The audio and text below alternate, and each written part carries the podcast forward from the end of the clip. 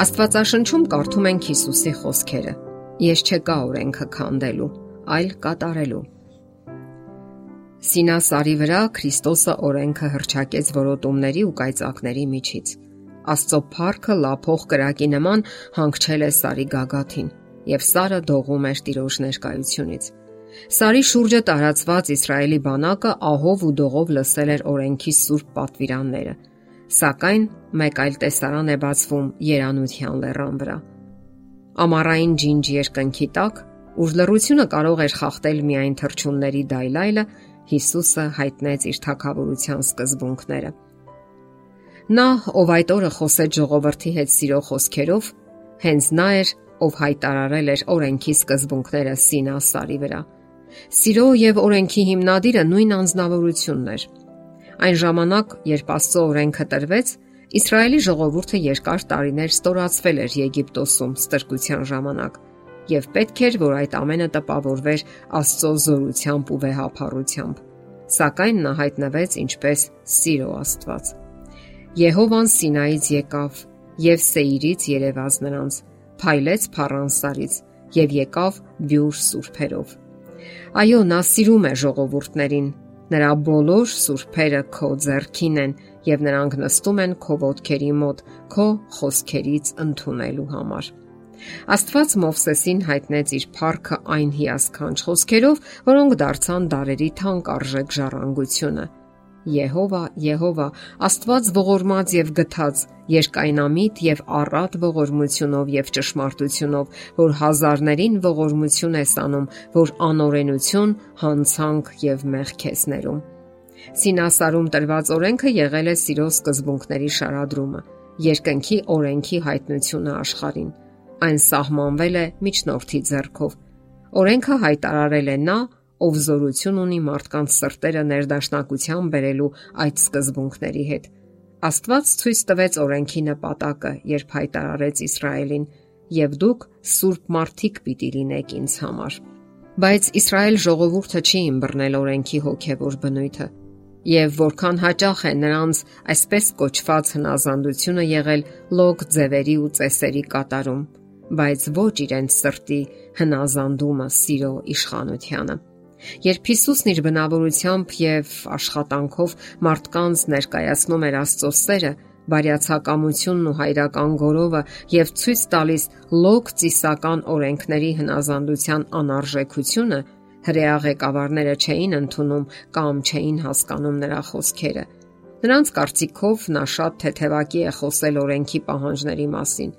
երբ Հիսուսը նրանց առաջ բացում էր այն մեծ ճշմարտությունները, որոնք Աստծո նշած ծառայության ոգին են հանդիսացել, նրանք տեսնելով միայն արտակինը մեղադրում էին Հիսուսին օրենքի խափանման մեջ։ Քրիստոսը խոսեց շատ հանդարտ, բայց այնպիսի լուրջ ու զորությամբ, որ ժողովրդի զգացմունքներն արթնացան։ Մինչ այդ նրանք լսել էին վարթապետների անկյանք ավանդույթների ու ծեսերի պնդումները, բայց այդ ամենն անիմաստ էր Ահա թե ինչու ժողովուրդը զարմանում էր նրա վարթապետության վրա, որովհետև իշխանություն ունեցողի պես էր սովորեցնում նրանց ոչ թե դպիրների պես։ Փարիսեցիները մեծ տարբերություն նկատեցին իրենց եւ Քրիստոսի ուսուցման ձևերի միջև։ Նրանք տեսան, որ ճշմարտության գեղեցկությունը, մաքրությունն ու վեհությունը խոր ու ազնվացնող ազդեցություն է գործում մարդկանց մտքի վրա Փրկչի աստվածային սերն ու քնքշությունը մարդկանց սրտերը ձգում էին իրեն։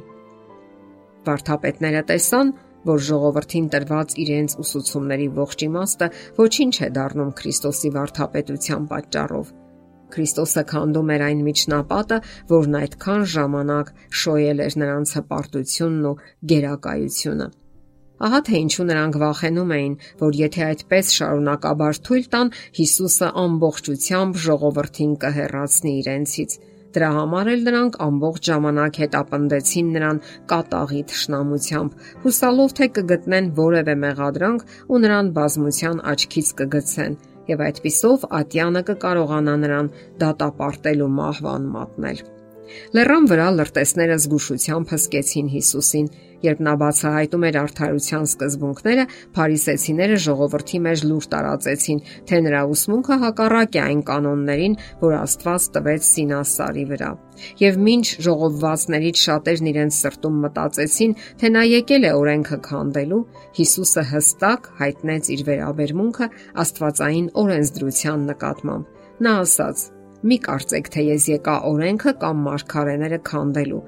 որովհետև ինքն էր արարել մարդկանց, ինքն էր տվել օրենքը նրանց եւ այդ պատճառով էլ հայտարարեց, թե իր նպատակը պատվիրանները խափանելը չէ։ Ահա թե ինչպես Եդեմում ապրող մարդուն Քրիստոսը հայտնեց օրենքի կանոնները։ Երբ առավոտյան աստղերը միասին ցնծությամբ երգում էին ու երբ Աստծո բոլոր ворթիները ուրախությամբ աղաղակում էին, Եվ ամբողջ ճշմարտությունն այն է, որ երկրում ապրելու ժամանակ Քրիստոսի առաքելությունը օրենքը քանդելը չէր։ Նա ցանկանում էր իր շնորհի միջոցով մարդուն հետ բերել սխալ ուղիներից եւ շեշտադրել պատվիրանների կարեւորությունը։ Եվ դա էր պատճառը, որ Հիսուսի սիրելի աշակերտը, լսելով նրա խոսքերը լեռան վրա, երկար տարիներ անց Սուրբ Հոգով ներշնչված հիշում է այդ մասին եւ օրենքի մասին այսպիսի խոսքեր է գրում որպես հավիտենական պարտականության։ Մեղքն անօրենություն է, եւ յուրաքանչյուր ոգ, ով մեղք է գործում, նա անօրենությունել է անում։ Նա հստակ նշեց, որ օրենքը, որի մասին ինքն ակնարկում է, հիմ պատվիրանն է, այն խոսքը, որ սկզբից լսեցին։ Նա խոսում է այն օրենքի մասին, որը գոյություն ուներ ստեղծագործության պահից եւ որը կրկնվեց Սինասարում։ Կրկին հիշենք Հիսուսի խոսքերը. Ես չեկա օրենքը քանդելու, այլ կատարելու։ Եթերում ղողանջ հավերժության հաղորդաշարն է։ Հարցերի եւ առաջարկությունների համար զանգահարել 033 87 87 87 հեռախոսահամարով։